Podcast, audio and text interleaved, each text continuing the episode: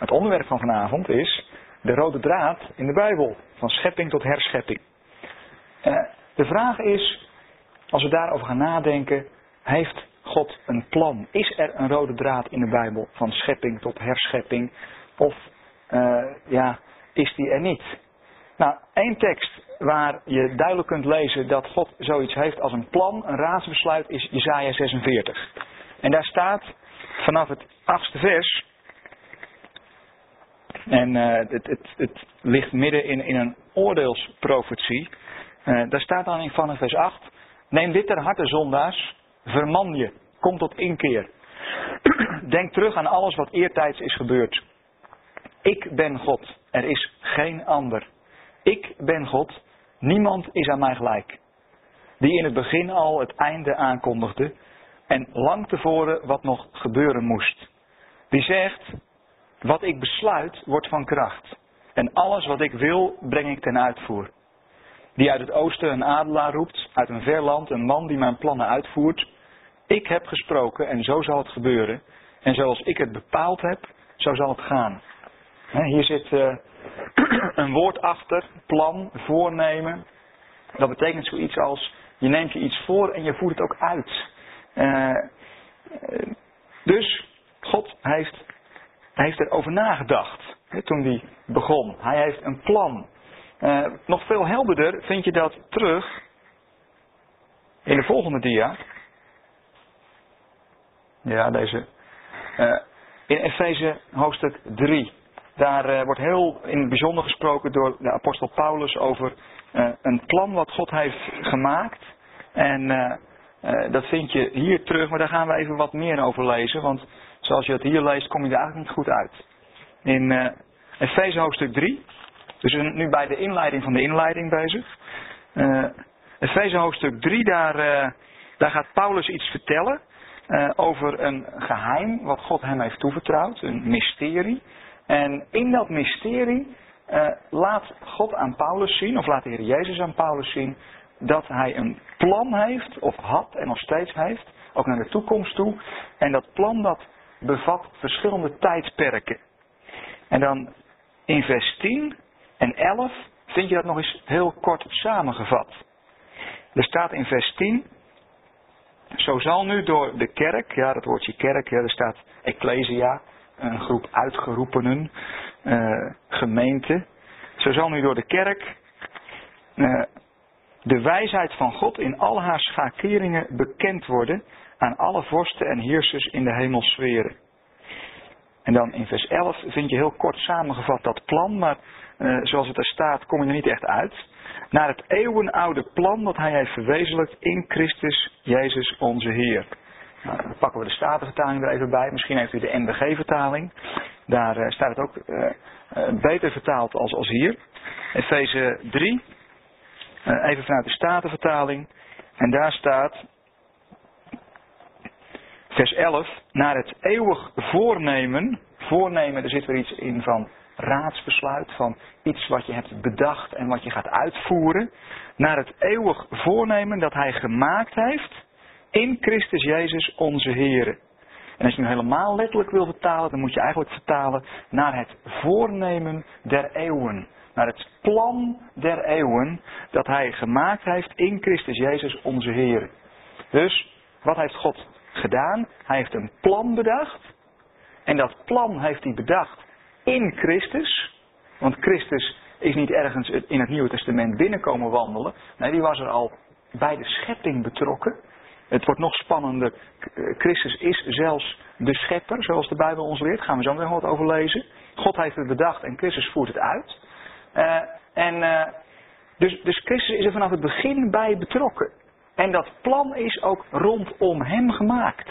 En dat is een plan der eeuwen, oftewel het omvat verschillende aionen of tijdperken. Want dat staat het Griekse woordje aion en dat kun je uh, vertalen met tijdperk. Hè. Daar hebben we een studieavond aan gewijd. eeuwig is niet altijd. Maar zoals je het hier vertaalt, ja, dan vind je daar helemaal niks van terug. Van, van dat plan der aionen, van tijdperken dat hij heeft gemaakt in Christus Jezus. Verwezenlijk is ook veel te mager, want het is nog lang niet af. Eh, we zitten er middenin in dat plan. Eh, we leven in zo'n wereldtijdperk op dit moment, maar er komen er nog meer hierna. Eh, het is nog niet voltooid. Als dit het einddoel van het plan zou zijn, nou dan, uh, poeh, dan belooft dat weinig goeds. Oké, dus dit is, dus, dus God werkt volgens een plan. Maar, is er nou ook zoiets als, uh, ja, hij, heeft nog, nog iets anders. Er zijn gekke vragen aan het begin, hè? maar we zijn, we zijn echt met die pizzabodem bezig, moet u maar even in uw achterhoofd houden. Dus we zijn het aan het uitrollen nu. Waar gaan we naartoe?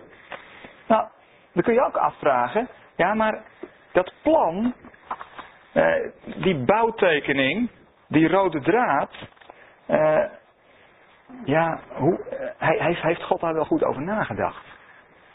Een beetje een ondeugende vraag. Heeft God er wel goed over nagedacht? Ja, natuurlijk, God is toch God.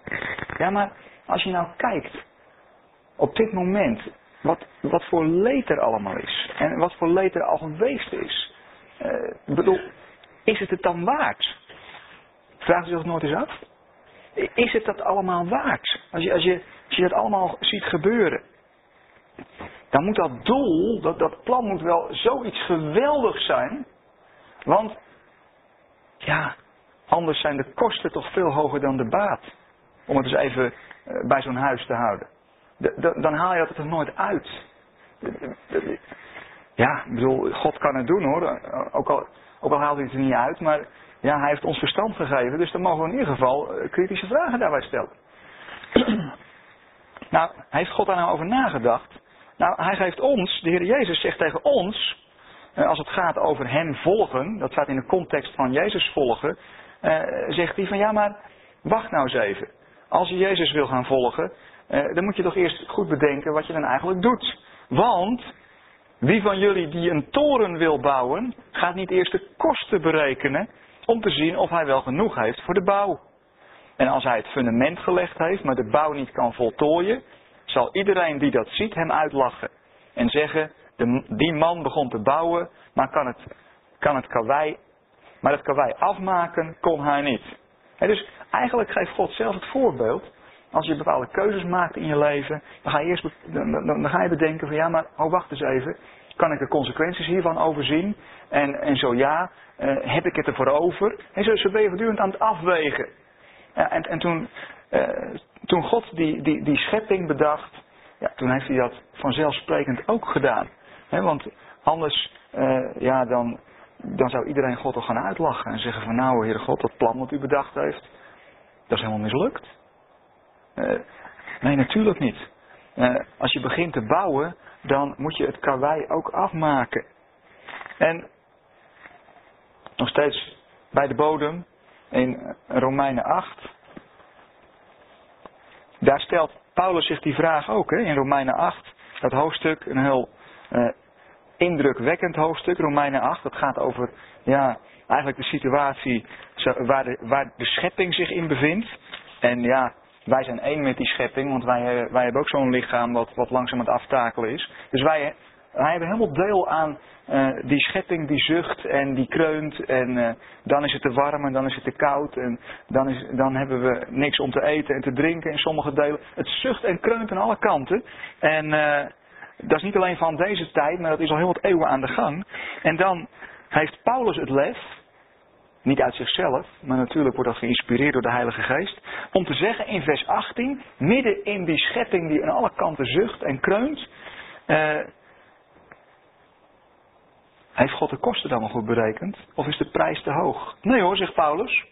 Ik ben ervan overtuigd dat het lijden van deze tijd. Nou, ofwel je bent naïef als je zoiets schrijft, dat kan, dat kun je niemand kwalijk nemen. Of uh, je hebt zelf nog geen lijden meegemaakt. Of je hebt de krant niet goed gelezen.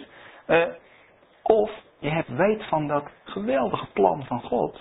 En dan komt dat lijden, hoe immens dat ook op ons afkomt, komt in een ander perspectief te staan. En, en, en Paulus, dat laatste geloof ik, had weet van dat geweldige perspectief van, van Gods plan, van Gods heilsplan, dus van schepping naar herschepping. En vandaar dat hij zoiets durft te schrijven. Uh, ik ben ervan overtuigd dat het lijden van deze tijd, of van de tegenwoordige tijd, in geen verhouding staat. Ja, dat is nog eens absoluut gesteld. Hè? Niet het lijden is, de, de heerlijkheid is iets meer dan het lijden. Nee, het staat in geen verhouding tot de luister die ons in de toekomst zal worden geopenbaard. Dat zegt gelijk al iets over dat doel wat God heeft met dat heilsplan van hem. Eh, het is kennelijk, om het maar even in gewone mensentaal te zeggen, het, het, de kosten zijn het kennelijk waard. Tenminste, in Gods ogen. Het is het waard. Dat waar God naartoe werkt, uh, uh, ja, dat, dat, dat is heel wat waard. Want anders kun je natuurlijk zoiets nooit schrijven. Dat lijkt me helder. Nou, als je nou gaat kijken naar het doel van dat plan, en eigenlijk komen we daar natuurlijk, uh, ja, het einddoel, daar komen we pas de tweede avond uh, komen we er uh, aan toe. Want van, vanavond komen we niet verder dan de schepping, dat kan ik nu al verzekeren. Maar als je kijkt naar het einddoel van, van God, dan moet je in ieder geval stellen, ja, dat het zo geweldig moet zijn, als, als ik, als ik een, simpelweg een, een, een weegschaal neem, en ik, sto, ik, ik leg daar, het kan natuurlijk niet, maar ik, je zou daar het lijden van de wereld opleggen. Al het verborgen lijden, al het ja, lijden wat je zomaar om je heen tegenaan loopt. Als je dat er allemaal eens oplegt. En die heerlijkheid waar God naartoe werkt, dat einddoel waar God naartoe werkt, dat staat in geen verhouding, oftewel dat weegt veel zwaarder. Dat kun je alleen maar vanuit je geloof beredeneren, want dat zie je niet. Hè. Geloof is de zekerheid van de dingen die je niet ziet, Hebreeën 11. Eh, er staat in geen verhouding tot elkaar. Nou, dan moet dat, dat einddoel, dat, moet echt grandioos zijn. En, en, de, de Bijbel spreekt natuurlijk op verschillende plekken over dat einddoel. En bijvoorbeeld in 1 Korinthe 15, waar staat dat God alles in allen zal zijn. Maar ja, dan kun je nog zeggen, ja, maar had hij dat, dat was hij toch in het begin ook al, bij het begin van de schepping. Waarom er al het lijden heen? Nou, daar, daar moeten we echt serieus naar gaan kijken. Wat, wat voegt, wat, dat plan van God, wat voegt dat nou toe? En, en, en wat, wat zijn we als schepping daar meer van geworden dan aan het begin? Waarom niet alleen een schepping, maar ook een herschepping? Dat is eigenlijk de vraag dan. Is de herschepping dan hetzelfde als de schepping? Oftewel, is God gewoon aan het herstellen? Wat is fout gegaan? Ja, maar dan had hij beter kunnen zorgen dat het niet fout ging. Had hij ook niet hoeven herstellen. Of is die herschepping veel mooier dan die oorspronkelijke schepping? En gaat hij in luister die schepping ver te boven? Dat, dat laatste geloof ik. Maar dat moeten we nog met elkaar gaan bekijken. Kijk, dan kun je stellen, je werkt ergens naartoe. Dan is het niet alleen het oprapen van de brokstukken en, en herstellen. Nee, je werkt naar een veel hoger plan en mooier plan toe. Nou, dat, dat moeten we allemaal gaan bekijken. Maar we beginnen maar bij het begin. We hebben nu de inleiding van de inleiding gehad. Oftewel, God heeft een plan. God werkt ergens naartoe. En je ziet in de ontvouwing van dat plan dat dat verschrikkelijk veel met zich meebrengt. Heel veel mooie dingen, maar ook heel veel verdrietige dingen. Heel veel lijden. Maar het begint met Genesis 1, vers 1. En daar gaan we eerst eens uh, heel kort naar kijken. Naar de schepping. Genesis 1, vers 1, daar staat. In het begin schiep God de hemel en de aarde. Daar begon alles mee. Uh, je zou kunnen zeggen in een begin. Uh, maar uh, het, het, begon ergens. En het is God die het initiatief neemt. Dus gewoon maar even benadrukken, want we zijn met hele fundamentele dingen bezig. Dus het moet heel helder zijn. God heeft ons bedacht. God heeft de hemel bedacht. En het hemelse. al die hemelsferen en al die hemelse wezens. Heeft hij allemaal bedacht. Uh, want er is maar één God en buiten hem is er geen ander. Uh, en hij heeft de aarde bedacht. En, en die twee, die horen ook onlosmakelijk bij elkaar. Hemel en aarde worden ook in één, in één zin genoemd. God schiep de hemel en hij schiep de aarde. Nou ja, eh, het woordje God wat er staat in Genesis 1 vers 1, dat is Elohim. En Elohim is een algemene godsnaam. Maar het, het wonderlijke is dat het in het meervoud staat. Dus in het begin schiep God de hemel en de aarde. God staat daar in het meervoud. Uh, dat is opmerkelijk. Er zijn uh, Er zijn uitleggers en die zeggen ja, het is koninklijk meervoud. Zoals uh, de koningin kan zeggen, wij, Beatrix, koningin der Nederlanden. Mag je alleen maar als koningin zeggen. Uh, dus koninklijks meervoud. Zou kunnen. Maar Messiaanse Joden, die, die zien hier een heel andere heenwijzing, een verborgen heenwijzing in naar, uh, naar, naar de Heer Jezus. Dus uh, je kunt het eigenlijk naadloos naast Johannes 1 bijvoorbeeld leggen. Johannes 1, waar staat in het begin was het woord, het woord was bij God en het woord was God. Ja, dat zie je hier, want Elohim is meervoud. Dus uh, het, het woord, het vleesgeworden woord, de Heer Jezus, was bij God. Maar niet ergens in het Nieuwe Testament. Nee, vanaf Genesis 1, vers 1 is hij er heel nauw bij betrokken. Dus ook het Oude Testament is volop messiaans. Gaat ook over de Heer Jezus. Uh, ja, maar uh, dat is toch wel misschien nog wat, wat, wat dun om op basis van dat Elohim meervoud is, dat soort conclusies te gaan trekken. Nou, maar er zijn meer aanwijzingen. Hebreeën hoofdstuk 1. In Hebreeën hoofdstuk 1, daar staat vanaf vers 1. Op velelei wijze en langs allerlei wegen heeft God in het verleden tot de voorouders gesproken door de profeten. Maar nu de tijd ten einde loopt, of naar het doel toe loopt, uh, heeft hij tot ons gesproken door zijn zoon. Die hij heeft aangewezen als enig erfgenaam en, daar komt het, door wie hij de wereld heeft geschapen. Ziet u dat? Dus uh, uh, wie, wie, door wie is de wereld geschapen? Nou, door de Heer Jezus. God heeft het bedacht en de Heer Jezus heeft het uitgevoerd. Uh, ik weet dat ik nog eens ergens dat vertelde, maar ik noemde er geen bijbeltekst bij. En dat veroorzaakte heel wat commotie. Van, hé, Jezus is de schepper, maar dat kan toch niet? Dus nou ja, ik heb het ook niet bedacht. Maar het staat hier gewoon. En het is niet de enige tekst waar dat staat. Uh, in vers 2, dat staat er eigenlijk nog wat sterker dan hier, maar dat is niet echt goed Nederlands. Uh, dat zou je kunnen vertalen met nu de tijd ten einde loopt, heeft hij tot ons gesproken. Zoons. Hij heeft zoons tot ons gesproken. Maar u begrijpt wel, dat is geen Nederlands. Dus kun je niet vertalen. Maar zo staat het er wel letterlijk. Hij heeft niet door zijn zoon gesproken. Nee, zijn zoon was het. Dus hij sprak niet door zijn zoon. Nee, hij sprak zoons. Hij sprak als zoon. Het gaat nog een stap verder. Uh, voelt u het verschil aan? Hij sprak als zoon en niet door zijn zoon. Dat is hetzelfde soort onderscheid als dat je soms in, in Timotheus ziet. Daar, daar, daar, heeft de MBG-vertaling gekozen met uh, elk door God ingegeven schriftwoord. Ja, maar dan zou je bijna denken dat er dus ook schriftwoorden zijn die niet door God zijn ingegeven, als je het zo vertaalt. Zo zou je hier ook bijna kunnen denken, hij heeft nu ons gesproken door zijn zoon.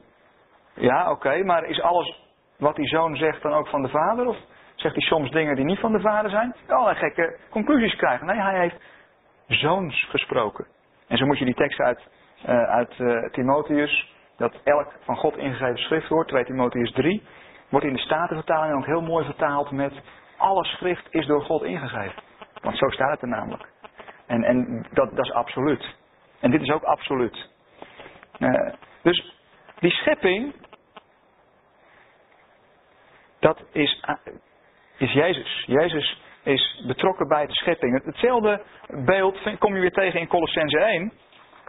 Nou, het is nog niet een voorzet op een studiedag, hoor, want dan gaan we een hele dag mee stoeien met dat eerste hoofdstuk van Colossense. Uh, dan mag ik zelfs in het voorprogramma van Otto staan, en dat vind ik hartstikke leuk. Hè? Uh, Colossense hoofdstuk 1, ik pak hem er nog even bij in de Bijbel. Want het gaat mij voornamelijk uh, om dat 16e vers. Maar het is sowieso een schitterend hoofdstuk, Colossense, of een schitterend boek.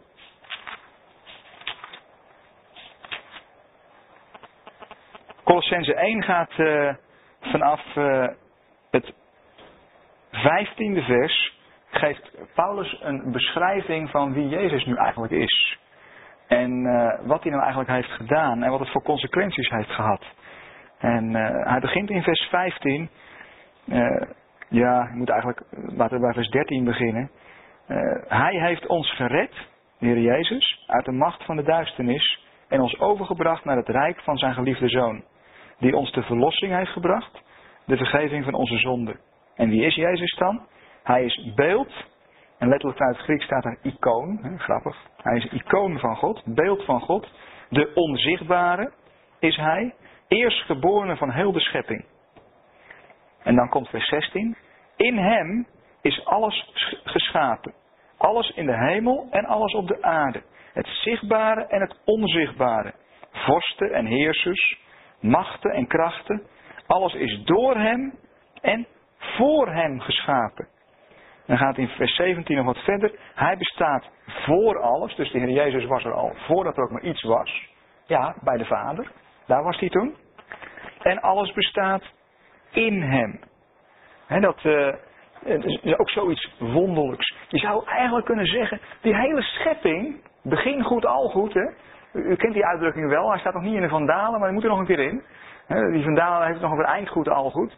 Maar die hele schepping, met alles erop en eraan, alle krachten en machten, zichtbaar, onzichtbaar, zijn in Christus geschapen. Ze zijn door Christus geschapen. En ze gaan naar Hem toe. Het is zo verschrikkelijk absoluut. En ja, dat is grandioos natuurlijk. Je zou bijna denken dat God een plan heeft. Dat hij het zo bedacht heeft. Ja, maar dat heeft hij ook. He, dat is dat plan van die tijdperken. En, en, en daar gaat hij alles naartoe leiden. Het, het, vanaf het begin was het al zo. En hij, hij, hij leidt alles uh, daar naartoe dat, dat uh, schepselen zoals u en ik helemaal vrijwillig uh, van harte Jezus ook gaan beleiden als Heer. En ons laten verlossen. En ons laten vergeven. Dus wat ik hiermee wil zeggen is. Soms hebben wij als christenen de neiging om de werkelijkheid uit elkaar te trekken. Dan hebben we het over geestelijk werk. Ik doe nu geestelijk werk. Ik ben proberen de Bijbel wat aan het uitleggen. Ik eh, ben erg geestelijk bezig nu. En uh, een andere keer dan ben je auto aan het rijden of dan ben je je kamer aan het verbouwen. Nou, bij mij wordt het meestal echt helemaal niks als ik een kamer ga verbouwen. Maar dan ben je weer aards bezig. We hebben zo'n raar onderscheid gemaakt. De Joden kennen dat onderscheid niet. Die, die zeggen, nee, je hebt geen geestelijk werk en je hebt geen aardswerk. Ik bedoel, de Heer Jezus was een timmerman. Nee, het gaat er niet om wat je doet, maar hoe je iets doet. Dat werk wat je doet, doe dat geestelijk. Dus geen geestelijk werk en aardswerk.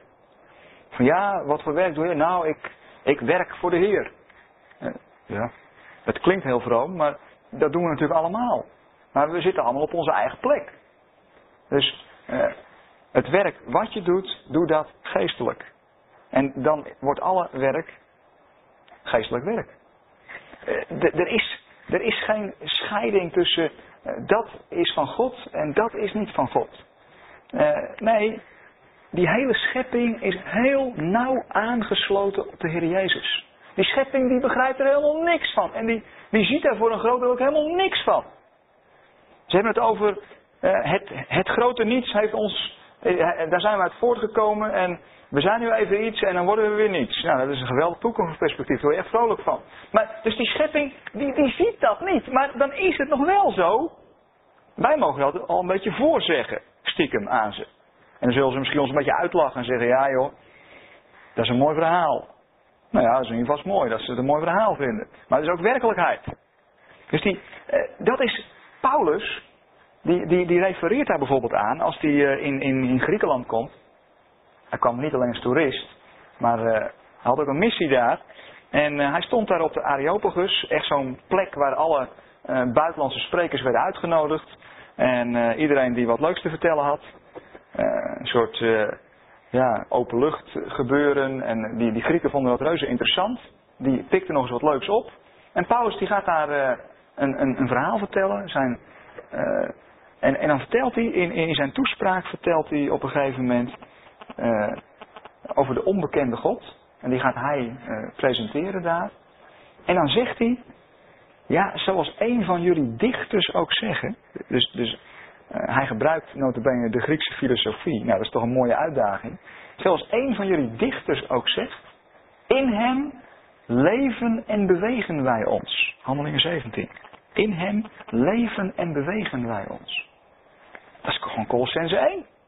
Je hebt het niet door, maar we, we zijn zo nauw verbonden met de Heer Jezus. De grootste atheïst die op aarde rondloopt, kan nog geen adem halen zonder dat Jezus bij hem is. Ja, want die hele schepping is in hem en door hem en tot hem. Hij heeft misschien nooit van Jezus gehoord. Maar hij kan niet leven zonder Jezus. Op dit moment al niet. Anders kon hij geen eens adem krijgen. Huh? Krijgt iets Spaans benauwd. En uh, dus, dus, dus, dus, Paulus heeft alle recht om dat zo te citeren, die Griekse filosoof, naar, de Athene, naar, de, naar die mensen op de Areopagus toe. En, uh, oké, okay. dus, dus Colossense 1. Datzelfde principe vind je weer terug in Romeinen 11. Ja, eh, we zijn met die bodem bezig, hè. En die bodem, die wordt al wel erg knapperig, moet ik eerlijk zeggen. Op deze manier. Het moet wel een lekkere pizza worden. Romeinen 11, uh, ja, dat is sowieso ook weer een hoofdstuk waar je natuurlijk avondenlang over kunt praten. Uh, maar in Romeinen 11, daar eindigt Paulus met een lofprijzing. En dat kan ook niet anders na het onderwijs dat hij daar allemaal heeft gegeven. En laat ik even vanaf vers 33 beginnen, want daar begint de lofprijzing ook. En daar staat hoe onuitputtelijk zijn Gods rijkdom, wijsheid en kennis. Hoe ondoorgrondelijk zijn oordelen. En hoe onbegrijpelijk zijn wegen. dat je, nou, daar komen we later nog eens op terug als we uh, die wegen eens wat nader bekeken hebben. Uh, wie kent de gedachten van de Heer? Wie was ooit zijn raadsman? Wie heeft hem iets gegeven dat door hem moest worden terugbetaald? Dus uh, eigenlijk wordt alle menselijke initiatief wordt je uit handen genomen hier. Het, is, het is God die het initiatief neemt. En laten we nou niet denken dat we daar iets aan toe kunnen voegen of iets aan af kunnen doen, want dat redden we gewoon niet. we mogen wel uh, vrijwillig meelopen. Uh, en dan staat er in vers 36, alles is uit hem ontstaan. Alles is door hem geschapen. En alles heeft in hem zijn doel. Hem komt de eer toe in eeuwigheid. Amen. Dat is prachtig, hè? Vind je weer hetzelfde principe? Alles is uit hem ontstaan, door hem geschapen en vindt in hem zijn doel. Ja. Nou, nu we uh, ja, die, die bodem wat hebben onderzocht, gaan we wat verder kijken naar hoe is God nu begonnen. De Hof van Eden. Uh, dan hebben we het over het, begin van Genesis natuurlijk. In Genesis 1, 2 en 3, daar wordt de mens geschapen. Daar, uh, ja, daar gaat alles beginnen. En uh, de mens wordt geschapen als beelddrager van God. Adam en Eva.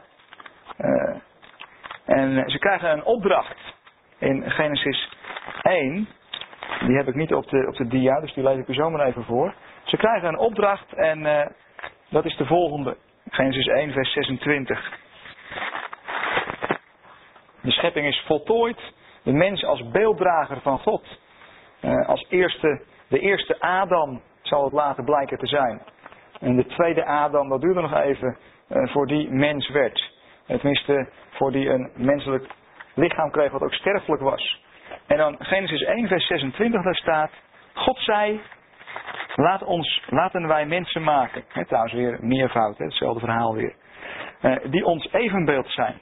Die op ons lijken. Zij moeten heerschappij voeren over de vissen van de zee. En de vogels van de hemel. Over het vee. Over de hele aarde. En over alles wat daarop rondkruipt. En God schiep de mens als zijn evenbeeld. Als evenbeeld van God schiep hij hem. Mannelijk en vrouwelijk schiep hij de mensen. Er zitten hier allerlei leuke dingen zitten hierin hoor. Want bijvoorbeeld in vers 27 waar staat mannelijk en vrouwelijk schiep hij de mensen. Uh, nee, ik begrijp wel dat het zo vertaald is, maar er staat mannelijk en vrouwelijk schiep hij de mens. En weet u wat orthodoxe joden daarvan maken? Dat is een heel wonderlijk verhaal hoor. Ik weet niet of ik dat zo geloof, maar dus, ik, ik kwam wat zo tegen in, in het Talmud. Orthodoxe joden maken daarvan. Uh, de mens was eerst tweeslachtig. Uh, en, pas later eh, toen, eh, toen die tweeslachtige Adam, eh, ja toch, hij zag al die dieren en al die dieren hadden een partner, maar hij niet. Ik bedoel, hij was alleen. En, en, en toen, staat er in de Bijbel, toen, toen zei de Heere God, nou oké Adam, jij hebt behoefte aan een partner. Nou dan ga ik een, een partner maken voor je, die neem ik uit jou en dan staat er letterlijk, wij hebben er een rib van gemaakt. Nou ja, prima, zelfs die appel, dat staat er ook niet. de vrucht en rib. Nee, er staat letterlijk, God nam het deel uit Adam weg. En daar maakte hij Eva van. Het, nou ja, ik bedoel, er valt wel wat voor te zeggen. Maar ja, in het kader van de rode draad in de Bijbel is dit nog niet echt van uitermate belang. Maar gewoon even een, eh, even een detail. Uh, dus uh, de opdracht. De opdracht is, is helder. Veelal in, in, in reformatorische kring wordt dit altijd uh, gezien als de, het cultuurmandaat. Oftewel, Adam, laat ik Eva dan gelijk maar bijnemen. Adam en Eva, die kregen, de mensen krijgen een cultuurmandaat. Ze moeten de aarde gaan bewerken, ze moeten de aarde gaan vormgeven. we moeten er wat van gaan maken. En, maar, er komt ook gelijk een verbod in die prachtige hof die hof, ik, eh, wat soort beeld heeft u ervan? Was het nou een, een, een kleine tuin? Uh, hoe, hoe, groot zal die geweest zijn? Nou, volgens, uh, volgens schattingen van ja, heel wat bijbeluitleggers die ik tegenkwam, en ook vanuit Joodse bron, is, was die hof van Eden, die, die had misschien wel dezelfde afmetingen als later het, het, het, het vernieuwde Jeruzalem wat op aarde neerdaalt. dan heb je het over 2200 kilometer. 2200 eh, kilometer eh, links, rechts en zo. Dus dat was niet een kleine tuin, dat was echt gigantisch, die Hof van Eden. Uh, later, als je Jezaja 19 erbij pakt, dan, dan zie je dat de Heere God dat, dat Midden-Oosten gaat herstellen. Dan gaat hij Israël herstellen, dan gaat hij Egypte erbij pakken, dan gaat hij Assyrië erbij pakken. En die drie staat er in Jezaja 19 zullen samen de Heren gaan dienen. Jezaja 19 vers 23 tot 25. Voor eh, de latere meelezers. Eh, en als je dat gebied bekijkt. Israël. Egypte. En Assur. Dan heb je weer precies hetzelfde gebied als het latere hemels Jeruzalem. en heel apart, je hebt ook weer hetzelfde gebied als de Hof van Eden. Als je de rivieren erbij pakt die in Genesis 3 staan, dan kom je ongeveer op hetzelfde gebied uit. Heel wonderlijk, hè? Het begint met het, de Hof van Eden. Dan wordt het lijkt wel alsof God die Hof van Eden als eerste gaat herstellen. In, ver, in, verbinding met het herstel van Israël. Dat komt allemaal de, komende avond, de volgende avond wel. En als klap de vuurpijl. Want, dat herstel blijft toch broos en kwetsbaar en, en, en ook tijdelijk komt daar dat vernieuwde hemelse Jeruzalem neerdalen op die vernieuwde aarde. En dan is het herstel meer dan hersteld en is het nog veel meer geworden. En, steeds weer datzelfde gebied. Heeft het er zo uitgezien? Ik heb geen flauw idee. Maar uh, dit zou zo mooi moeten zijn als de Hof van Eden, zei uh, de bedenker van deze foto. Dus nou, vooruit. Uh, hij is er ook niet bij geweest, maar ik dacht, laat, ik dan die er maar eens in plakken. Genesis 3. Genesis 3 moeten we gewoon toch maar eens even in zijn geheel lezen, want het is een belangrijk hoofdstuk. Want sommigen zeggen, ja, is mooi, God, God had een heel mooi plan bedacht, maar hier loopt het mis. Dat is nou jammer. Adam en Eva, die, nou, die hadden toch alles wat een hartje begeren. Het was hartstikke goed wat God gemaakt had. En toen kwam de zondeval. Uh, moet ik u eerlijk zeggen dat het begrip zondeval dat, dat hebben sommige vertalingen er wel boven gezet. Maar in de tekst kom je het begrip zondeval niet tegen. Dus dat is een menselijk bedenksel. De term zondeval in ieder geval. De term zondeval kom je in de hele Bijbel niet tegen. Dat is op zijn minst opmerkelijk, maar goed, daar hebben we het nog eens een keer over. Uh, Genesis 3. Gaan we eens even rustig met elkaar lezen en laten we even wat op ons inwerken. Van alle in het wild levende dieren die God de Heer gemaakt had, was de slang het sluwst. Dit dier vroeg aan de vrouw, is het waar dat God gezegd heeft dat jullie van geen enkele boom in de tuin mogen eten? We mogen de vruchten van alle bomen eten, antwoordde de vrouw. Behalve die van de boom in het midden van de tuin. Het trouwens opmerkelijk, hè, antwoordde de vrouw. Want Eva had haar naam nog niet gekregen. Die krijgt ze pas later. Behalve die van de boom in het midden van de tuin. God heeft ons verboden van de vruchten van die boom te eten, of ze zelfs maar aan te raken. Doen we dat toch? Dan zullen we, dan zullen we sterven. Jullie zullen helemaal niet sterven, zei de slang. Integendeel, God weet dat jullie de ogen zullen opengaan zodra je daarvan eet. Dat jullie dan als goden zullen zijn en kennis zullen hebben van goed en kwaad. De vrouw keek naar de boom. Zijn vruchten zagen er heerlijk uit. Ze waren een lust voor het oog. En ze vond het aantrekkelijk dat de boom haar wijsheid zou schenken. Ze plukte een paar vruchten en at ervan. Ze gaf ook wat aan haar man die bij haar was. En ook, en ook, hij, ook hij at ervan.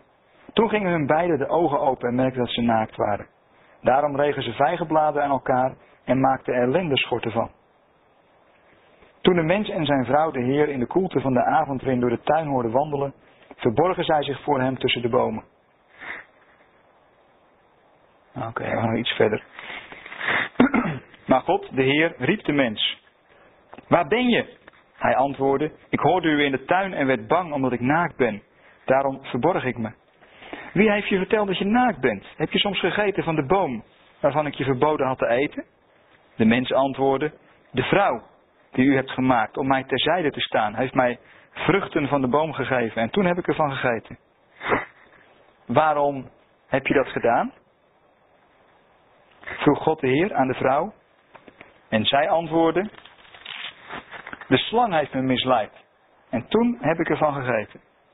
Nou, even tot zover. Gaan we even naar, naar wat details toch kijken. dat, uh, als je kijkt naar die slang. Uh, slang betekent in het Hebreeuws zoiets als listig, hè, sluw. Het heeft altijd een beetje een negatieve klank. En, uh, en, en die slang is heel listig en hij is heel uitgekookt. En hij komt zomaar, komt hij daar binnen in, dat, uh, in, in die Hof van Eden. Het begrip slang kun je trouwens ook vertalen met hetzelfde woord als. En het werkwoord betekent betoveren. Dus wat doet die slang dan ook? Zoals bij zijn karakter past. Hij gaat de mens betoveren. En, en daardoor weet die mens kennelijk niet meer goed wat hij doet. Hij wordt begoocheld en hij wordt verblind. Paulus zal dat later gebruiken in Galaten 3 vers 1. Daar zeg je tegen de Galaten letterlijk, wie heeft u betoverd? Nou, hetzelfde begrip. Wie heeft u beslankt? Of wie heeft u betoverd? Dus uh, er wordt hier getoverd. En, en, die, listige slang die gaat wat zeggen. En uh, dan begint hij met, God heeft zeker wel gezegd. Is trouwens apart, hè? Want de slang die, die, die begint met God. Een afstandelijke godsnaam. Terwijl in dat deel daarvoor is het steeds God de Heer. Dat, dat is een dubbel godsnaam. En God de Heer, dat wil zeggen, God is niet alleen God op een afstand. Nee, maar Heer wil zoiets zeggen als JHWH. Hij is erbij. En eh, als die slang begint te spreken, dan zet hij God onmiddellijk op een afstand. Eigenlijk maakt hij er een theorie van bijna. We gaan God dus onder het vergrootglas leggen. Hij heeft zeker wel gezegd. Eh, we gaan er een theorie van maken. We gaan er een theologie van maken. Eh, het wordt afstandelijk. Het wordt theoretisch. En daar zit meteen het venijn, want die slang laat dus de verbondsnaam weg. En dan, ja, je zou kunnen zeggen, dat is dan ook meteen het addertje onder het gras. Dat kan ook niet anders met zo'n slang natuurlijk. maar ja, iedereen kan wel praten over God het opperwezen. Maar praten over de Heere God is heel wat anders. Want dan is het jouw God. Dan ben je er doorheen gegaan. Uh, en als die, uh, als die slang gaat, gaat spreken, ja, later lezen we nog meer over die slang. Bijvoorbeeld in Johannes 8. Daar gaat het ook over die slang. Daar, daar staat over diezelfde slang van Genesis 3. Staat in Johannes 8, vers 44.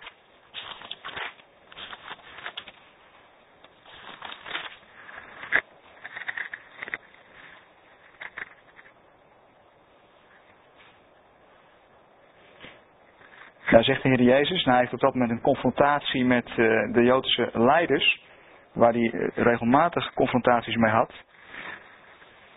Waarom begrijpt u niet wat ik zeg? Omdat u mijn woorden niet kunt aanhoren. Uw vader is de duivel en u doet maar al te graag wat uw vader wil. En, en dan komt er wat informatie over die slang, want het gaat maar niet om dit hele gedeelte, maar om die slangen. Hij is vanaf het begin een moordenaar geweest. Hij hoort niet bij de waarheid, omdat er geen waarheid in hem is. Wanneer hij liegt, spreekt hij zoals hij is, een aardsleugenaar, de vader van de leugens. En dus hier, uh, uh, hier wordt nog weer een andere beschrijving gegeven. Maar dat hij een leugenaar is, dat zie je al hier. Want hij gaat de boel verdraaien, de slang. Nou, uh, er komt als het ware, die slang zorgt ervoor dat er een verschuiving komt in het denken van Eva. Als je de juiste woorden niet meer hanteert, uh, en, en je, dan, dan komt er een verschuiving in je denken. Dan ga je op een ander spoor denken. En dat begint heel subtiel. Het begint heel klein. Met even een woord wat anders. De Heer weglaten, alleen God. Het gaan theoretiseren. Maar voor je het door hebt, kom je echt op een ander spoor. Elk, uh, elk fout, ja, iets, iets wat begint in je denken, dat gaat later steeds meer afwijken en steeds meer afwijken tot het een volslagen andere levensstijl gaat worden. En misschien zelfs wel een andere ideologie. maar het begint altijd heel erg klein. En dan gaat Eva antwoorden, maar ze neemt de taal van de slang over. Want Eva die antwoordt eh, en ze laat ook de verbondsnaam weg. Uh, ze doet hetzelfde als de slang. In Genesis 3. En ze zegt, uh, en dat is ook nog erg vaag, want over welke boom gaat het dan? En dan zegt ze, we mogen de vruchten van alle bomen eten, antwoordde de vrouw, behalve die van de boom in het midden van de tuin. En dan komt het, God, niet God de Heer, God heeft ons verboden van de vruchten van die boom te eten, of ze zelfs maar aan te raken. Doen we dan toch, dan zullen we sterven. En de Heere God heeft alleen gezegd dat ze van de boom de kennis van goed en kwaad niet mochten eten. Maar Eva verzwaart het wat en die zegt we mogen hem ook niet aanraken. Uh, bijna een bijgelovige angst. Als, als, als Eva begint hier al betoverd te raken, merk je dat? Ze begint al betoverd te raken. Dat ze er ook wat aan toevoegt. En dat ze de slangentaal al is gaan spreken. En uh, uh, het, lijkt bijna zo, zoals. Uh, ik, ik, had een docent hier vroeger op de EH. ik heb hier ook wel eens rondgelopen. De heer Faner. En die, die is. die, die heeft jaren gewerkt op uh, Irian Jaya. En daar werkte hij onder een, een stam. En, en die, in, in die stam geloofden ze in heilige bomen. En daar geloofden ze dat als je een bepaalde boom in dat dorpje aanraakte, dat je dan ook daadwerkelijk stierf. En hij zei, het gebeurde ook echt. Als iemand die boom aanraakte, stierf hij. Zo, zo sterk was het geloof van die mensen daarin. Dat, dat bijgeloof of dat, dat occulte geloof, hoe je dat maar precies wil benoemen. En het lijkt bijna, nu Eva wat met die slang aan het woord is, die toverij, uh, dat zij een beetje in die hoek komt. Een soort bijgeloof creëert. Uh, en, dan, en dan gaat de slang verder. Nee hoor, je zult helemaal niet sterven, maar weet dat God die weet, als je daarvan eet, dan zul je, open, zul je ogen open gaan zodat je daarvan eet. Dan zul je worden als goden. Uh, dan zul je zijn als God. En dan zul je goed en kwaad kennen. ook dit trouwens is weer een halve waarheid, hè? Het is een halve waarheid. Want zullen ze zijn als goden daarna of als God? Uh, nee. Zullen ze daarna kennis hebben van goed en kwaad? Dat denk ik wel. Moet je zich eens voorstellen, voor die tijd kenden Adam en Eva eigenlijk alleen goed. Of kennen ze wel werkelijk goed. Uh, maar kennis van goed en kwaad hadden ze niet. Uh, alles was in orde om hen heen. De schepping was goed, zij hadden het goed. Uh, maar waren ze zich daarvan bewust?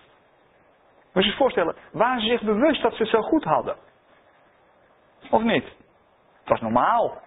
Zo was het. Uh, hadden ze iets om dankbaar voor te zijn? Uh, waarom? Dit is toch de normale situatie?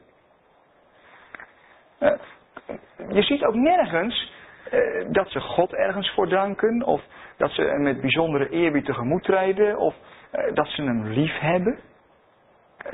dat is er allemaal nog niet. Het is, het is eigenlijk, het is goed. Het is tof. Maar het is ook, het is tof op een, op een bepaald niveau. Want ik lees niks over liefde. Ik lees niks over dankbaarheid. Ik lees niks ja, over een, een, een, een innige hartsrelatie. Het, het, het lijkt bijna, het is allemaal zo normaal. Eh, je zou bijna kunnen zeggen, als, als, je, eh, als, je, als je kinderen hebt en die reageren op die manier, van joh, uh, verwende jongetjes. Nooit een pak voor een broek gehad. Een liedje van Ellen Rickert. Verwende jongetjes. Uh, uh, ze hebben ook nooit dat contrast gezien. Van hoe, hoe het ook kan zijn. Helemaal niet zo goed. Nee, want dit is normaal. En ze krijgen, als ze ervan gegeten hebben, krijgen ze inderdaad kennis van goed en kwaad. En dat lijkt voor Eva, nou die kennis nog genezen, maar wel het als God worden. Uh, die slang zich eigenlijk, joh, als je dat doet, dan kom je alleen maar hoger op. Krijg je kennis van de hele geestelijke wereld. En pas dan zul je zien hoe het echt is. Op zich is het al merkwaardig natuurlijk dat, dat Eva gewoon terugpraat tegen die slang. als, er, eh, als de slangen. Zij moest heersen over die slang. We hebben net de opdracht gelezen. Ze moest niet in discussie gaan met die slang. Ze moest de slang terug, terug naar je nest. Wat wil jij daar aan doen? Een slang die een preek gaat houden, daar moet je wel voorzichtig mee zijn. Hè? Je moet erover heersen en je moet er niet mee praten. Heerst over de vissen de zee en over het gevogelte des hemels en over het gedierte dat op de aarde kruipt. En, en, en dan uh, gaat Eva kijken. Het begint in haar denken. Uh, het begint, je, je denken komt op, een ander spoor. En het kan zomaar gebeuren dat je andere woorden gaat gebruiken. Nou, we zijn met in perspectief, zijn we daarom zo keen op de woorden. Vandaar dat we eh, misschien in uw ogen soms wel wat moeilijk doen over allerlei begrippen. En dan zeggen we, ja, maar je moet goed kijken wat er staat. Want als je niet goed kijkt wat er staat en je gaat er andere woorden voor gebruiken, en dan kom je, als je niet oppast, op een heel ander denkspoor terecht. En, en dan kom je ook bij ja, een heel ander plan bijna terecht, een heel ander godsbeeld terecht. Dus eh, het, het luistert soms heel erg nauw. En uh, het begint bij je denken en dan gaat ze kijken. De vrouw keek naar de boom. Er zit een hele wereld achter natuurlijk. Zijn vruchten zagen er heerlijk uit. Ze waren een lust voor het oog. En ze vonden het aanlokkelijk dat de boom haar wijsheid zou schenken. Binnen het orthodoxe jodendom nemen je dit heel erg serieus. Dat noemen ze dan de, de begeerte der ogen. En uh, ik, ik, was eens in Israël, zat ik in een, in een bus. En uh, er zaten heel veel orthodoxe joden om me heen. Uh, en ja, dat is op zich al een belevenis hoor. Allemaal in het zwart en met, met, met pijpenkrullen. En ik zat er ongeveer als enige ja, niet-Jood tussen. En toen op een gegeven moment, want ja, Jeruzalem is ook gewoon door een westerse stad. En op een gegeven moment kwam er langs een billboard met wat schaatsgeklede dames erop. Onwillekeurig keek ik ernaar. En, en ik zag al die orthodoxe joden, zag ik in één keer allemaal dit doen. Allemaal. Nou, dat, ja, dat maak je in Nederlandse bus toch zelden mee. Uh, allemaal zo. Ja, ze namen Genesis 3 erg serieus. Uh, oppassen voor de begeerte der ogen. En uh, daar ging het met Eva, dat was, was, was de tweede. En toen nam zij, vers 6, ze plukte een paar vruchten en at ervan. En ze gaf ook wat aan haar man die bij haar was en ook hij at ervan. Hier opmerkelijk. Uh, ik, ik, ik moet het nu even voor Adam gaan opnemen. Adam wordt later verantwoordelijk gesteld voor de intrede van de zonde. Want hier komt zonde uh, de Bijbel in. Is het een zondeval? Nou, dat staat hier niet, maar ze zijn ongehoorzaam. Ze zijn ongehoorzaam. Want God had gezegd, dat was zijn wil, zijn geopenbaarde wil. Eh, je mag er niet van eten. En wat doet Eva? Die eet ervan. Dus ze is ongehoorzaam en ze geeft ook nog aan Adam. Nou, opmerkelijk is hier, staat hier in één zin, zij nam van zijn vrucht en at en ze gaf ook haar man die bij haar was. Hé, hey, dus Adam was wel in de buurt, kennelijk. Adam was in de buurt. Uh, en toen stond Adam, uh, ja, is Adam nou medeplichtig? Is Adam nou medeplichtig? Is hij even schuldig? Heeft even een verleid? Uh, maar je kunt je ook nog iets anders voorstellen. Nu ga ik het een beetje messiaans maken. Maar, dit weet ik natuurlijk niet, hè. Ik, ik stel me dat voor. Hè? Dus neem het met een uh, gezonde korrel zout. Je kunt je voorstellen dat Adam in de buurt stond en dat hij Eva zag eten. En dat hij wist wat er daar gebeurde. Hij wist de consequenties van wat Eva daar deed. Want, wat had God gezegd? Ten dagen dat je daarvan eet, zul je zeker sterven. Trouwens ook weer opmerkelijk, hè? wisten Adam en Eva wat het was, doodgaan. Was er nooit eens dood gegaan. Dood had zijn intrede nog niet gedaan. Dus eh, wat voor beeld hadden ze daar dan bij? Nou, in ieder geval werden ze sterfelijk. er, wordt wel eens gezegd, uh, ja, wij, wij zijn sterfelijk. Ik bedoel, wij zijn bezig dood te gaan. Ja, dat klinkt niet zo optimistisch. Maar in die zin werd, werden Adam en Eva sterfelijk nadat ze gegeten hadden. Ze gingen natuurlijk niet direct dood. Ze hebben nog honderden jaren daarna geleefd. Nou, dat mochten wij wilden we honderden jaren oud werden. Zij wel. dus dat, dat sterfelijk, dat moet je dus ook zien als daarna werd hun lichaam, ging zichzelf afbreken. En dat deed het daarvoor nog niet. Uh, waarschijnlijk omdat ze toen nog mochten eten van de boom des levens. Maar eh, daar komen we inderdaad, uh, Peter had al gezegd dat ik die boom des levens zou noemen. Maar daar komen we de tweede avond zeker op terug. Adam en Eva mochten namelijk wel van de boom des levens eten. Die stond ook in de hof. Maar ze mochten niet eten van de boom der kennis van goed en kwaad. En die boom des levens, die begint in de hof. En die komen we opnieuw tegen in openbaring 21 en 22. En wat doet die boom des levens? Die schenkt genezing. Dus waren Adam en Eva nu echt, voordat ze sterfelijk werden, waren ze toen onsterfelijk? Dat is nog maar de vraag. Waren ze toen onsterfelijk? Nou, misschien dat ze wel door het eten van die boom, van de, de bladeren, de vruchten van de boom des levens, dat ze gewoon inderdaad niet stierven. Die aanwijzing die vind je later terug aan het einde van Genesis 3. Daar komen we zo meteen nog wel even op. Uh, nou, het zou ook wel eens kunnen dat Adam dus de consequentie overzag. En dat hij zoiets had van, ja maar, als ik nu niet solidair ben met mijn vrouw, dan wordt zij sterfelijk en ik, niet, en, en, en ik niet, dan wordt zij eruit gezet. En, en ik mag blijven? Heeft u zelfs bekeken? En misschien dat Adam, dat het allemaal door hem heen is gegaan en dat hij heeft gezegd uit solidariteit. Van, geef mij ook maar. Ik bedoel, eh, je gaat toch niet zonder je partner? Uh, Isaac hoort toch bij, bij, bij, bij Ismaël? Jacob hoort toch bij Esau? Je gaat toch niet zonder elkaar? Wat, wat moet Adam nou zonder Eva? Dat kan toch niet? dus, eh, kun je dat hier allemaal uit opmaken? Nee. Maar het zou wel kunnen. ik ben wel uitleggingen tegengekomen waarin ze dat op deze manier uitleggen. Ik, ik vind wel in ieder geval een mooie uitleg. Dan, er zit iets messiaans in. Soms is er zo'n keiharde tegenstelling wordt er gecreëerd tussen de eerste Adam, die deed alles fout, en toen kwam de tweede Adam, die deed alles goed. Maar als je Romeinen 5 goed leest, dan staat het niet op die manier daar.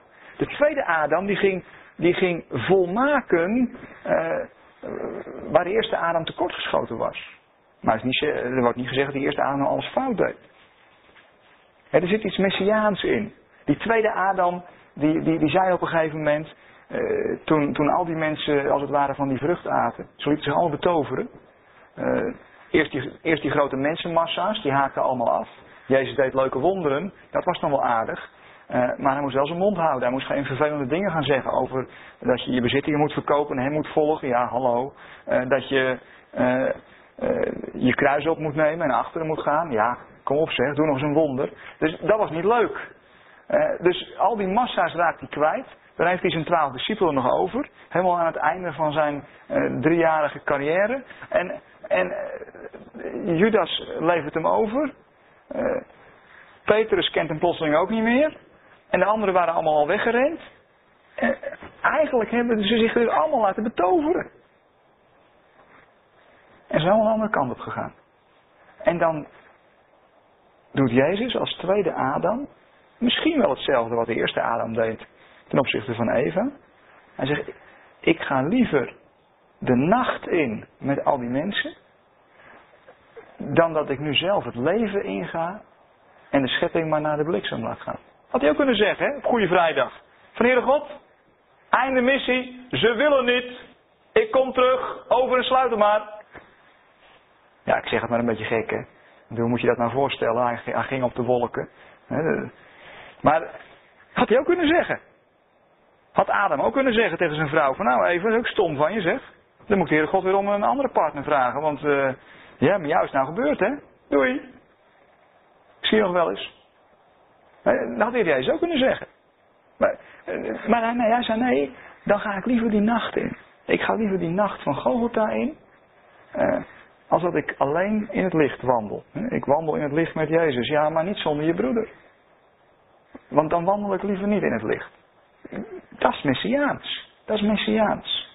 Daar zit helemaal geen heilsegoïsme in. Nee, je strekt juist uit naar die ander, want die ander moet er toch ook in delen. Eh, en waar kwam Jezus toen terecht? Nou, in de buitenste duisternis. Hij, hij, hij ging daar dwars doorheen voor al die mensen die dat zelf niet konden.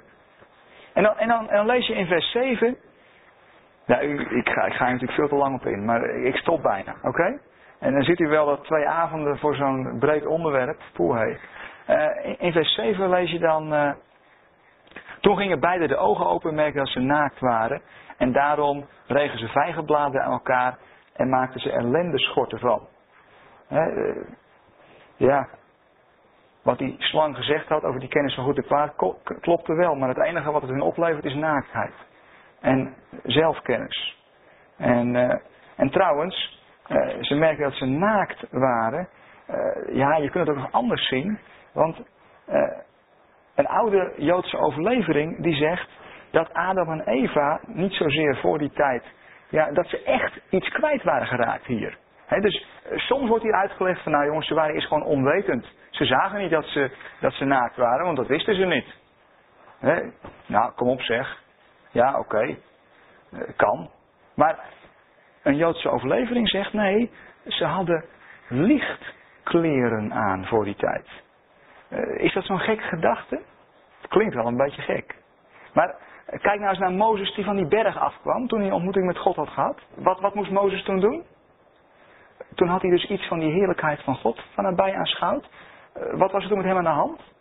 Hij, hij, moest zichzelf bedekken, want anders konden de geen eens naar hem kijken. Hij had een soort licht om zich heen. Hij was, kunnen we dat zeggen, bekleed met heerlijkheid? Misschien zit er wel wat in. En, en waren Adam en Eva bekleed met Gods heerlijkheid? En, en, en eh, is dat wel ten diepste die sterfelijkheid? Ze raken die heerlijkheid kwijt. En ze zijn hartstikke naakt. Ja, en als je die heerlijkheid kwijt bent, dan moet je toch echt met wat anders gaan bekleden. Want die voelt dan voelt die naaktheid wel erg naakt aan. Uh, ja, ik, ik, eh, toen ik uh, op de bijbelschool zat, ik heb drie jaar evangelische bijbelschool gedaan. En die zit nu in Velendaal. Toen, uh, soms hadden we allerlei rare discussies, want ja, wat, doe je anders drie jaar lang? Hè? Rare discussies hadden we soms. En, en er zei iemand van, ja, zei die, als je, als, je, als je christen geworden bent, dan heb je de heerlijkheid weer terug. Dus uh, die zei, ik ga dus ook gewoon naar de sauna, de gemengde sauna, want in Christus is nog man of vrouw. En uh, ik zei, ja joh man, dat meen je toch niet? Ik zei, dat, nu sla je een beetje door, denk ik. Uh, want ja, hebben wij die heerlijkheid al terug? Ja, in Christus wel. Maar als je Romeinen 8 leest, is ons lichaam toch echt nog bijzonder aards. En lijden we mee met de schepping. het is nog zeer ten dele. Want, staat er in Romeinen 8, wij zien ook uit naar de verlossing van ons lichaam. Die heerlijkheid hebben we nog niet. Die heerlijkheid hebben we lichamelijk nog niet. Dus laten we ons nog toch nog maar gewoon kleden. Dat is ook zo, zo raar. Anders, als christenen maken we soms wel niet zo'n goede beurt. En dan uh, ga ik nog een stapje verder. Heel, heel uh, ja, genadig eigenlijk dan in vers 8. Toen de mens en zijn vrouw. En hebben we hem weer. Want God, pas, God gaat geen slangentaal gebruiken. Ziet u dat? Toen de mens en zijn vrouw God de Heer, is hij weer, in de koelte van de avondwind door de tuin hoorden wandelen. Dus wie horen, wie horen Adam en Eva wandelen? Ze, ze horen niet God wandelen die boos is. Pas op! God heeft zich teruggetrokken. Hij noemt zich ook niet meer de Heer. Want hij is toch je Heer niet meer? Je was toch niet gehoorzaam? Nou, afgelopen. Nee, dat is dus genade. Hè? Toen de mens en zijn vrouw God de Heer. God is de Heer gebleven. In de koelte van de avondwind door de tuin hoorden wandelen, verborgen zij zich voor hem tussen de bomen. Maar dan komt het nog een keer. Maar God, de Heer, JHWH, riep de mens, waar ben je? En hij antwoordde, ik hoorde u in de tuin en werd bang omdat ik naakt ben. En was die heerlijkheid kwijt. Heel, heel wonderlijk trouwens, want sinds die tijd, als mensen een ontmoeting met God hebben, lees je steeds in de Bijbel, wees niet bevreesd. Dus als je die heerlijkheid kwijt bent eh, en je wordt geconfronteerd met, met God, dan word je in eerste instantie bang. Want, want, want, want eh, ja, dat, is te scherp, dat, dat is te confronterend. En, en, en, en, dat zie je hier voor het eerst. Voor die tijd zag je dat niet, voor die tijd hadden ze die angst niet, want ze waren bekleed met heerlijkheid. Eh, ze waren bang, om, omdat ik naakt ben. En de antwoorden, uh, wie heeft je verteld dat je naakt bent? Heb je soms gegeten van de boom waarvan ik je verboden had te eten? En dit, is, dit is een beetje, uh, je, noemt dat, je noemt dit antofomorfisch, oftewel God spreekt alsof hij het niet weet. Ik bedoel, natuurlijk wist de Heere God het wel. Dit, dit is zo, soms zoals je met kinderen omgaat. Je weet al lang wat er aan schort. Je weet al lang dat ze dat of dat gedaan hebben, maar ja, je wil dat ze het zelf vertellen. En, en je vraagt van, joh, uh, wat heb je, heb je een leuke middag gehad? Nou, vertel eens, wat heb je allemaal gedaan?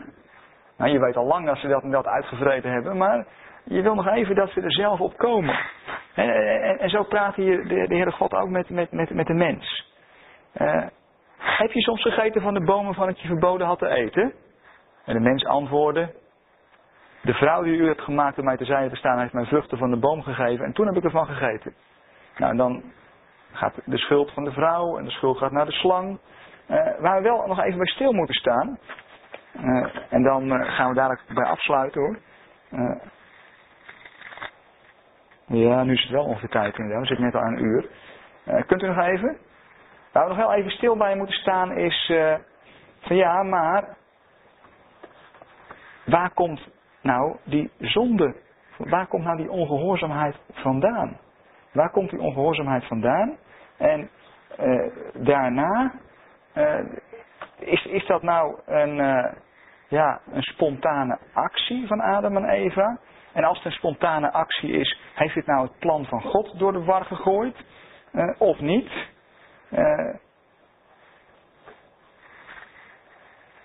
nou, ik, ik kwam ergens een, een heel leuke gedachte tegen van een dominee Hartman een gereformeerde predikant. En die dominee Hartman, die, die schreef hierover. En, en, en die zei, en die had eerst al wat over het plan van God geschreven. En daar kon ik me aardig in vinden wat hij erover schreef. Ik dacht, hé, hey, eens kijken wat hij dan hierover schrijft. En hij zei, nou, zei hij, het zou misschien duizend jaar kunnen duren. Of misschien tienduizend jaar kunnen duren. Maar, maar, maar God had die verleiding en die slang, die tovenaar, had hij daar in die hof gezet. En het kon lang duren of het kon kort duren. Maar je kon er natuurlijk een keer op wachten dat die verleider zijn kans zou grijpen om te verleiden. Dus eh, was het vrije wil van Adam en Eva om te zondigen? Want eh, zonden is eigenlijk dat je, dat je dat je een fout maakt, dat je je doel op dat moment mist. Nou, ze misten hun doel, want God had gezegd, je mag er niet van eten. Zij missen hun doel, want ze eten er wel van. Dus ze zondigen. Was het hun eigen wil? Helemaal. 100%. Kijk maar, ze doen het toch zelf? Maar, zat het nou in de planning van God, om het zo maar eens even te noemen? U, u merkt, nu zitten we weer een beetje aan de grenzen. De grens van wat we wel en wat we niet precies weten. Zat het nou een beetje in de planning van God of niet? Ja, dat ook. Waarom, waarom denk ik dat? Nou, God had die verleider daar neergezet, die slang. Eh, God had die, die boom er neergezet die er zo mooi uitzag en waarvan je niet mocht eten. dus uh, God die van tevoren weet, het, het einde weet, God die zijn raadsbesluit heeft, heeft dit dus opgenomen in zijn raadsbesluit. Je zou bijna kunnen zeggen, dit is een soort combinatie van God die de wereld bestuurt. God heeft het in zijn hand. Uh, er staat in Efeze 1, vers 11, hij werkt alles naar de raad van zijn wil, naar het voornemen van zijn wil. Dus, dus God bestuurt het, maar Adam en Eva hebben daar een vrije keus in. En uh, dit is een wonderlijke combinatie die, uh, die we net aan kunnen bevatten. Adam en Eva wilden het zelf, maar, maar God had al bedacht dat ze het zouden gaan willen. En hij had dat in zijn, zijn voornemen, had het in zijn plan opgenomen. Kunt u het nog volgen? Dus daarom was het geen zondeval. Het was wel zonde, maar geen zondeval. Want zondeval, dat suggereert iets van, het heeft God overvallen, er is iets fout gegaan met het plan. En God moet overschakelen op plan B, een soort noodscenario. De stroom is uitgevallen, nou, doe de noodaggregator aan. Dan hebben we tenminste nog een beetje licht. Nee, maar zo was het niet. Dit zat dus, dus met andere woorden, de ongehoorzaamheid van Adam en Eva zijn onderdeel van het scheppingsproces van schepping naar herschepping. Ze vormen dus geen vergissing. Moet je wel even koffie over drinken zo hoor. Over dit soort uitspraken. Uh, ze vormen geen vergissing. Uh, in openbaring 13, het achtste vers, moet je zomaar eens even lezen. Ik heb hem niet meer op de, de dia staan, want ik dacht, ik weet niet hoe ver we komen vanavond. Uh, daar staat dat de Heer Jezus al voor de grondlegging van de wereld geslacht was. Opmerkelijk, hè? Dus dat plan van God, wat gecentreerd is helemaal rond de Heer Jezus, dat hebben we al in het begin gezien, toen we nog met die bodem bezig waren, dat was al af voordat de wereld ook maar bestond. Dus dit heeft de Heere God niet verrast. Je, je zou bijna kunnen, kunnen denken van dat de Heere God dacht, veel, uh, ook in menselijk gesproken, hoe lang zal het duren? In plaats van, nee toch, ze hebben het gedaan. Nee, ze gaan dwars tegen Gods wil in en daar worden ze voor gestraft. Maar het zat wel in zijn voornemen, uh, in zijn plan, dat ze dat op een gegeven moment zouden gaan doen. Uh, weet u, wat, wat orthodoxe joden zeggen over Genesis 3, uh, dat is opmerkelijk hoor. Zij, zij zeggen daarover, ik kwam die uitspraak tegen, Genesis 3 is een stuk ontwikkeling waar je doorheen gaat. Een stuk volwassenwording. Daar ga je doorheen, maar je doel is God. oftewel, zeggen orthodoxe joden, uh, je moet als mensheid door Genesis 3 heen. Om uiteindelijk bij God terecht te komen. Opmerkelijk. Een rare gedachte. Maar er zit natuurlijk wel wat in. Het heeft God niet verrast. Uh, en dan uh, gaat de Heere God voor de mens andere kleren maken. Even kijken, hier. eerst komt hij. Uh, gaat hij hier al? Moet ik even kijken. Nou, iets verder. Nou ja, ik kan niet op alle details helaas ingaan, want dan hebben we geen koffie meer vanavond. En dan zie je in vers 20, dus daar is het al misgegaan, hè? Die, moet, moet ik toch nog even noemen. In vers 20 uh, eh, dan helemaal aan het randje van de Hof van Eden, want ze worden er bijna uitgegooid. En dan, dan staat er, dan pas krijgt Eva haar naam, de mens, en dan staat noemde, alsof Adam zegt tegen Eva, joh vrouw, ik noem jou maar eens Eva. Nee, Adam die roept dat uit, want zo staat het er. Je zou bijna denken, Adam staat aan de, aan de rand van Ede, want hij moet eruit. Dat hoort bij de straf.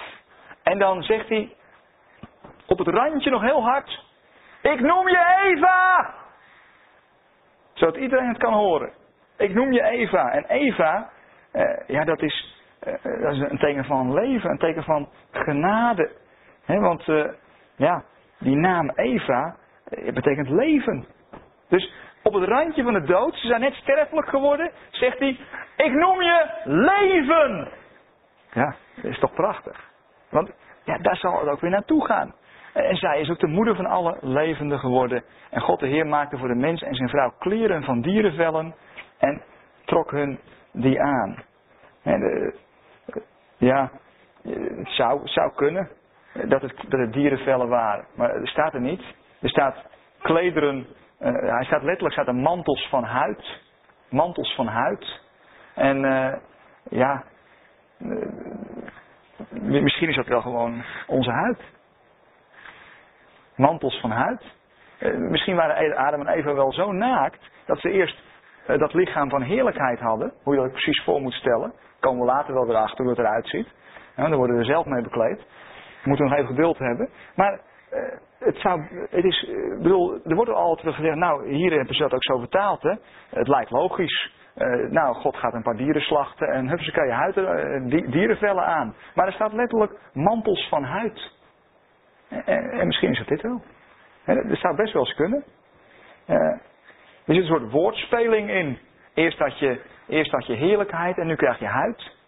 Eerst was je uh, aangesloten op de hemel. Was je aangesloten op die boom des levens. En daarvoor in de plaats heb je de boom van kennis van goed en kwaad. En ben je weer op weg naar die boom des levens. En ondertussen heb je alleen maar huid en je bent op weg naar de heerlijkheid. Uh, en het woordje huid en het woordje blind lijken ook erg op elkaar. Er, zit, er, zit, ook weer een hele symboliek achter. Hè? Dat, uh, uh. En dan, uh, helemaal aan het einde, daar staat er dan, daarom stuurde hij de mens weg. vers 22, ook opmerkelijk trouwens. Toen dacht God de Heer, nog steeds God de Heer, hè? en ook in vers 21 God de Heer. Want hij, hij laat ons helemaal niet los. Nu is de mens aan ons gelijk geworden. Nu heeft hij kennis van goed en kwaad. Nu wil ik voorkomen dat hij ook vruchten van de levensboom plukt. Nou, hier komen we dat, dat beeld weer terug dat Adam en Eva misschien helemaal niet zo onsterfelijk waren. Nee, ze bleven leven dat ze van de levensboom aten. Want als hij die zou eten, zou hij eeuwig leven of zou hij de eeuw uitleven, de aion uit, uitleven. Daarom stuurde hij de mens weg uit de tuin van Eden om de aarde te gaan bewerken waaruit hij was genomen.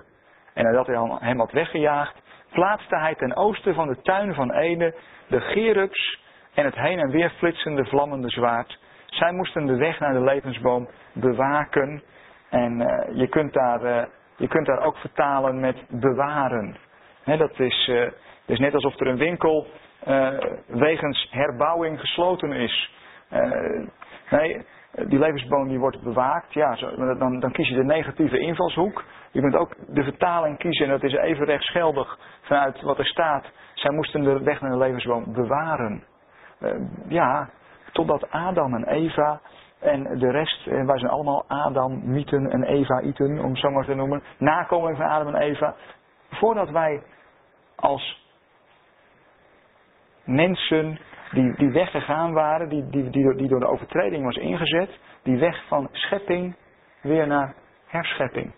Maar het mooie is, de boom wordt voor ons bewaard. We worden weer bekleed met die heerlijkheid. Maar alleen, het zal veel mooier zijn en veel voller zijn.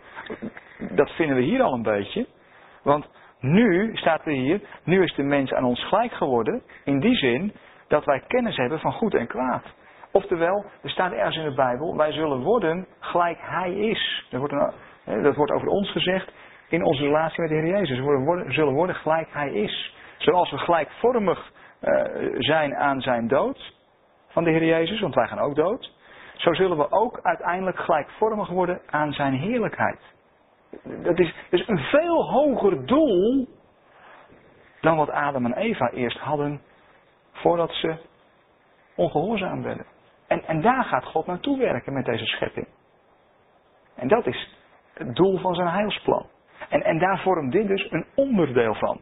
Uh, met andere woorden, uh, de zondeval was ongehoorzaamheid en wordt gestraft. Want Adam en Eva hadden gewoon een vrije keus. De geopenbaarde wil van God werd niet gehoorzaamd. Maar het was geen vergissing van God. En uh, trouwens, als je dat zou stellen. Ik weet dat dat een van de stellingen was op, op het Flevo Festival. Daar kreeg ik aardig wat commentaar op, kan ik me voorstellen hoor. Een van de stellingen daar was dat eh, ja, als Gods voornemen niet uitkomt, eh, dan is God de grootste zondaar die er bestaat. Dus dan maak je van God een zondaar. En als God zich hier vergist zou hebben, oftewel het loopt uit de hand, dat God met zijn handen in het haar zit als het ware en zegt van, maar dit had ik niet verwacht zeg. Heb ik het zo mooi gemaakt en nou verknallen ze het. Jezus, kom er eens bij. Jij moet de zaak redden. Want het is misgelopen. Als dat zou zo zijn, dan is Gods plan misgelopen. En als iets misloopt, dan noem je dat zonde in de Bijbel. Dus ja, dan maak je van God de grootste zondaar alle tijden. Nou, dat geloven we toch zeker niet. En God mist zijn doel niet. Zelfs niet met de ongehoorzaamheid van Adam en Eva. Nou, nu is het echt tijd voor koffie. Gaan koffie drinken, daarna vragen stellen en uh, de volgende keer dan uh, pakken we hier de draad weer op.